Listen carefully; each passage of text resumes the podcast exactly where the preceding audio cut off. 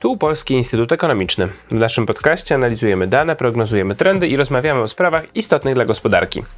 Dzisiaj porozmawiamy o blokadzie ukraińskich portów i kryzysie żywnościowym spowodowanym tą sytuacją. Nazywam się Jacek Grzeszak i zapraszam do słuchania. W naszym podcaście rozmawialiśmy już o roli Ukrainy i Rosji na żywnościowej mapie świata. Rozmawialiśmy też o roli kolei w wojnie w Ukrainie. To były rozmowy z Łukaszem Ambroziakiem i z Karolem Tramerem. Możecie Państwo znaleźć w, w archiwum naszego podcastu. Dzisiaj zaprosiłem do rozmowy Jana Strzeleckiego, współautora raportu Kryzys podażowy na rynku żywnościowym jako efekt inwazji na Ukrainę, który ukazał się w środę w tym tygodniu. Cześć Janku. Cześć, witaj. Powiedz mi, w jaki sposób odbywa się eksport z Ukrainy od 24 lutego? Wiemy o tym niewiele, natomiast Ukraińcy udostępnili nam w PIE dane dotyczące ruchu na przejściach granicznych, więc dane dotyczą eksportu właśnie żywności na użytek tego raportu. No i one pokazują, że oczywiście odnotowano duży spadek eksportu żywności po rosyjskiej inwazji i jednak on dosyć szybko się odbudowuje wydaje mi się, że niestety osiąga w tej chwili te, te alternatywy ścieżki osiągają swoje maksimum. To znaczy mniej więcej jedna trzecia tego eksportu została przekierowana na polską granicę. Dodajmy, że przed rozpoczęciem rosyjskiej inwazji 90%, ponad 90% eksportu zbóż, nasion oleistych, tych kluczowych towarów, artykułów rolnych w eksporcie Ukrainy była eksportowana przez rosyjskie porty, y, przez ukraińskie porty, przepraszam, na Morzu Czarnym. One są oczywiście zablokowane, więc Ukraińcy przestawili się na kolej i 30% całości tego eksportu idzie przez polską granicę. Pozostałe kluczowe kierunki, no to są państwa Unii Europejskiej. Rumunia oczywiście, tam jest długa granica lądowa, także Węgry i Słowacja, w mniejszej części Mołdawia, no i takim ciekawym szlakiem, który świadczy o takiej dużej zdolności Ukraińców do mobilizacji, adaptacji do tej trudnej sytuacji, jest to, że zaczęto wysyłać zboża, artykuły rolne przez Dunaj. Na Dunaju są porty tej części Ukrainy, która tam oddziela Mołdawię od dostępu do Morza Czarnego. Są porty, na które ładowane jest zboże na barki, i zwykle ono w górę Dunaju płynie do rumuńskiej Konstancy, gdzie przeładowywane jest na statki morskie i płynie dalej w świat. Natomiast wszystko to razem jednak odbiło się dwudziestokrotnym spadku, spadkiem eksportu artykułów rolnych z Ukrainy. Tutaj warto pewnie mieć przed oczami tę mapę Ukrainy, bo to jest taki mały fragmencik najbardziej wysunięty właśnie w stronę Rumunii. Niewielu słuchaczy kojarzy, że w ogóle Ukraina dochodzi do Dunaju w pewnym momencie. Tam jest taki teren, który jest dosyć trudny jak rozumiem, infrastrukturalnie, bo jest to delta Dunaju, bardzo chroniona, park narodowy, więc rozumiem, że jedyna możliwość w tamtym miejscu przeprawienia tego towaru to są barki, bo jak rozumiem, tam nie ma żadnych wielkich autostrad, tras kolejowych, które przecinają tą deltę Dunaju i jak rozumiem, to jest jedyna opcja, żeby w tamtą stronę przesyłać do Rumunii, jak rozumiem to zboże. Tak, znaczy Ukraina, samo ujście Dunaju mieści się już na terytorium Rumunii, więc część e, tych barek płynie także do takiego niewielkiego rumuńskiego portu morskiego już jak na terytorium Rumunii nad samym Morzem Czarnym w dół Dunaju. Ale faktycznie e, no, to jest dosyć imponujące, że z tych maleńkich portów, takich zapuszczonych, tam niewiele co eksportowano, bo główne skupisko ukraińskich portów to był zespół portów Odessy, powiedzmy i Mikołajów. To były te główne, gigantyczne Hersoń też, porty. Czy... Hersoń nie, natomiast właśnie te mniejsze porty na Dunaju przejęły na, na siebie ciężar, no ale dalej oczywiście to się korkuje, te porty są zbyt małe, transport zbóż jest bardzo wymagający, wymaga przechowywania ich specjalnej infrastruktury, które chronią je przed wilgocią, zamoknięciem. Zboże, które raz zamoknie podczas ładowania na statek, już właściwie jest gwarancja, że zgnije podczas transportu, więc to jest wszystko wymagające i skomplikowane. Jak rozumiem, to też, co pojawiało się w trakcie prezentacji waszego raportu, która jest dostępna na YouTubie, też można przesłuchać tą całą ciekawą dyskusję, że zboże wymaga oddzielnej infrastruktury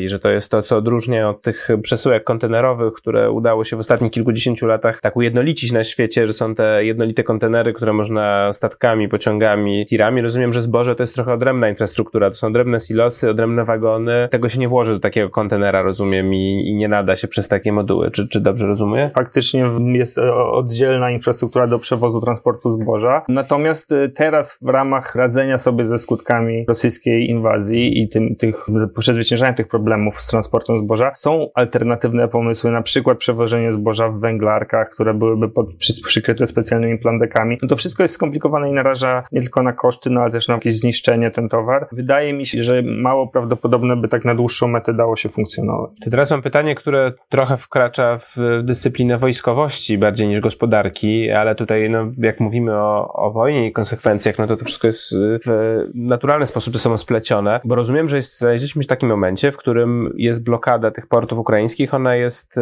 po części blokadą, to też warto powiedzieć, po prostu blokadą w tym sensie, że wojska rosyjskie atakują te porty, atakują statki, kontrolują różne punkty Morzu Czarnym, po części to jest kwestia też rozumiem blokady przez Ukraińców, umożliwiania, zaminowania też przez Ukraińców i e, zastawienia na przykład portu w Odessie. Jakby rozumiem, że to jest element, element wojny, która trwa i będzie pewnie trwała, e, więc pytanie, czy w ogóle istnieje w twoim zdaniem realny scenariusz powrotu do, do dawnych szlaków handlowych, tak jak mówisz, które były no, infrastrukturalnie zbudowane, przygotowane, dostosowane, ale jak widać po tym, co się dzieje na polu walki, raczej chyba mało prawdopodobne wydaje się rozstrzygnięcie tego konfliktu w najbliższych miesiącach. Czy widzisz w ogóle scenariusz powrotu do tego szlaku przez Odessę i inne porty czarnomorskie? Są takie rozmowy. Turcja się w nie aktywnie angażuje, ponieważ y, też była istotnym odbiorcą ukraińskiego eksportu, głównie właśnie rolnego, ale nie tylko. Natomiast szczerze mówiąc, trudno mi sobie wyobrazić, że w warunkach trwania takiej otwartego konfliktu zbrojnego, który, jak wiemy, polega też na tym, że zatapiane są rosyjskie okręty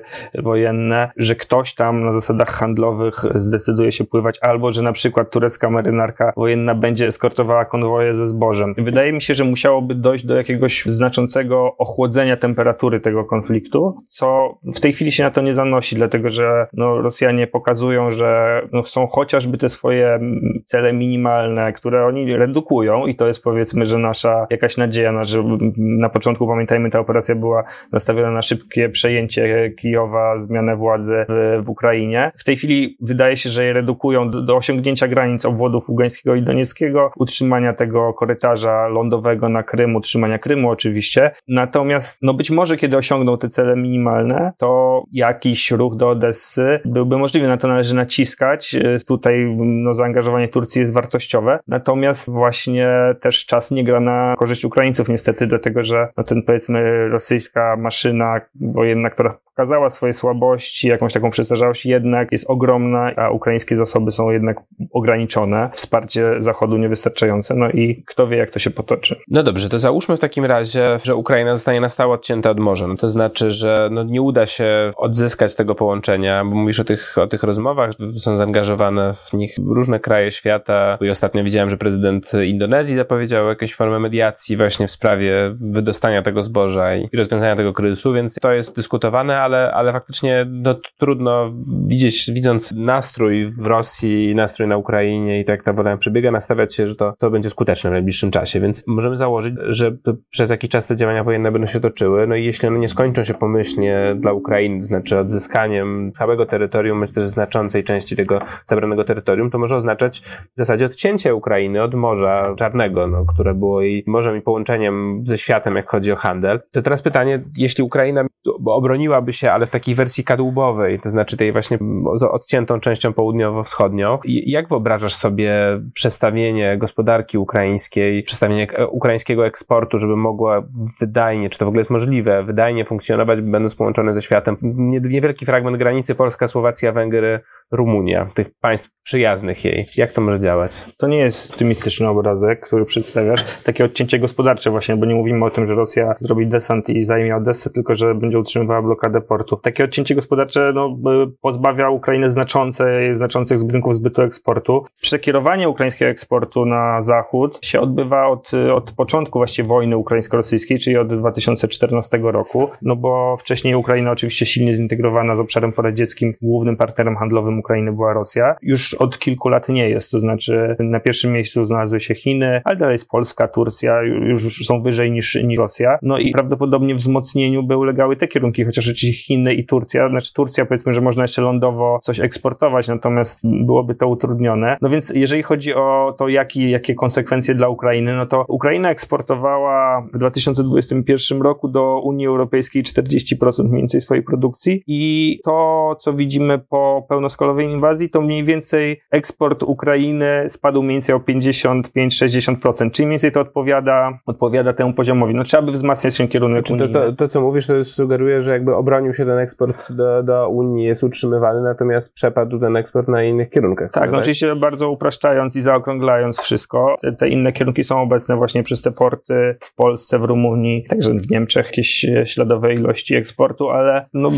byłoby to trudne też ze względu na tą specyfikę ukraińskiego eksportu. Tam było bardzo dużo, 40% e, dochodów z eksportu to były artykuły rolne, żywność, więc... No tak, ale jedna rzecz to artykuły rolne, o których dużo mówimy, ale też druga rzecz to chociażby wyroby stalowe, rozumiem, tak? tak? I przemysł ciężki. Inna sprawa, że zlokalizowany głównie na wschodzie i głównie teraz grabiony i niszczony, więc też pytanie, ile tego przetrwa, no ale załóżmy, że jakieś tam fabryki w bardziej centralnej części Ukrainy przetrwają. Rozumiem, że to też jest ten rodzaj eksportu, którego nie załaduje się do konteneru, tylko rozumiem, że wymaga przetransportowania statkami, jest ciężki, rozumiem, trudniejszy w transporcie, tak jak się domyślam. Tak, dokładnie, a, no, a w dodatku, tak jak mówisz, no takie wielkie zakłady jak Azovstal, na przykład te najbardziej znane, zostały no, całkowicie zniszczone i ta um, produkcja hutnicza czy chemiczna, koksowa no, jest w dużej mierze w ogóle wstrzymana ze względu na działania wojenne, no ale całość jest, wygląda tak, że dwie trzecie eksportu odbywała się przez porty, no i właściwie trudno to w tej chwili jakoś łatwo przerzucić na inne kanały. Powiedz mi, bo mówiliśmy o Turcji, ja powiedziałem właśnie o tej Indonezji,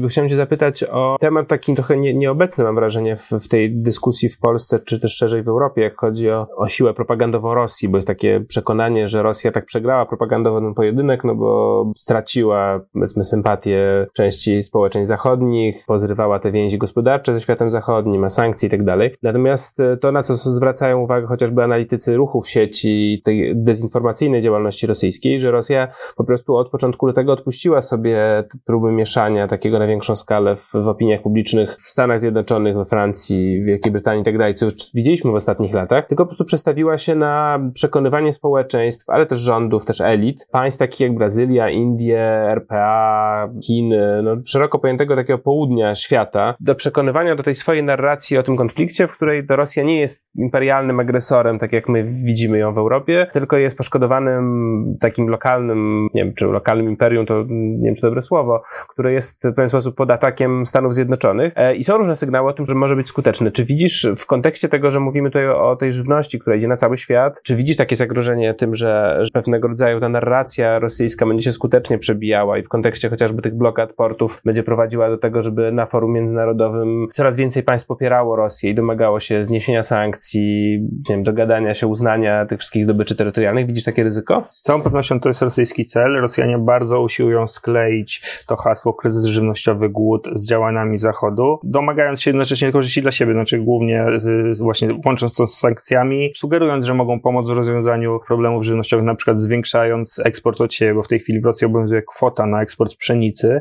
8 milionów ton do końca czerwca od początku roku można tylko wyeksportować. To jest niewiele w porównaniu z ubiegłymi latami, więc jakby widać działania pogłębiające właściwie ten e, kryzys żywnościowy, podbijający ceny żywności. I Rosja prowadzi takie działania, Myślę, że one w pewien sposób trafiają na podatną glebę, dlatego że, że pokrywają się z takim sceptycyzmem panującym w części państw globalnego południa wobec zachodnich narracji, wobec dominacji amerykańskiej. Trudno mi ocenić, na ile będą skuteczne, ale na pewno Rosja postawiła na ten, na ten cel. Nie myślę, żeby zupełnie odpuściła propagandę czy, czy takie właśnie działania wobec Zachodu, to znaczy straszenie kryzysem migracyjnym, właśnie sugerowanie, że możemy pomóc w rozwiązaniu kryzysu żywnościowego eksportu eksportując nawozy, boża, umożliwiając eksport z Ukrainy, jeżeli zniesiecie sankcje i wtedy nie będzie kryzysu migracyjnego, myślę, że też ma swoich odbiorców na przykład we Francji, gdzie no jest takie myślenie, co to będzie za pół roku, kiedy świat w pełni odczuje konsekwencje tego kryzysu żywnościowego, kiedy drastycznie wzrośnie liczba osób niedożywionych,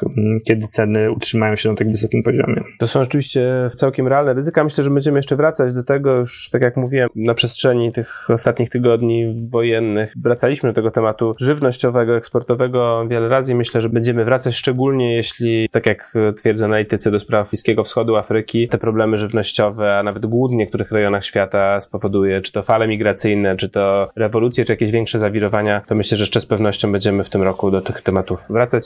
Bardzo Ci dziękuję. Ze mną był Jan Strzelecki. Dziękuję także, bardzo. Także zresztą współprowadzący, więc myślę, że niedługo usłyszycie go ponownie w tej roli. Do usłyszenia.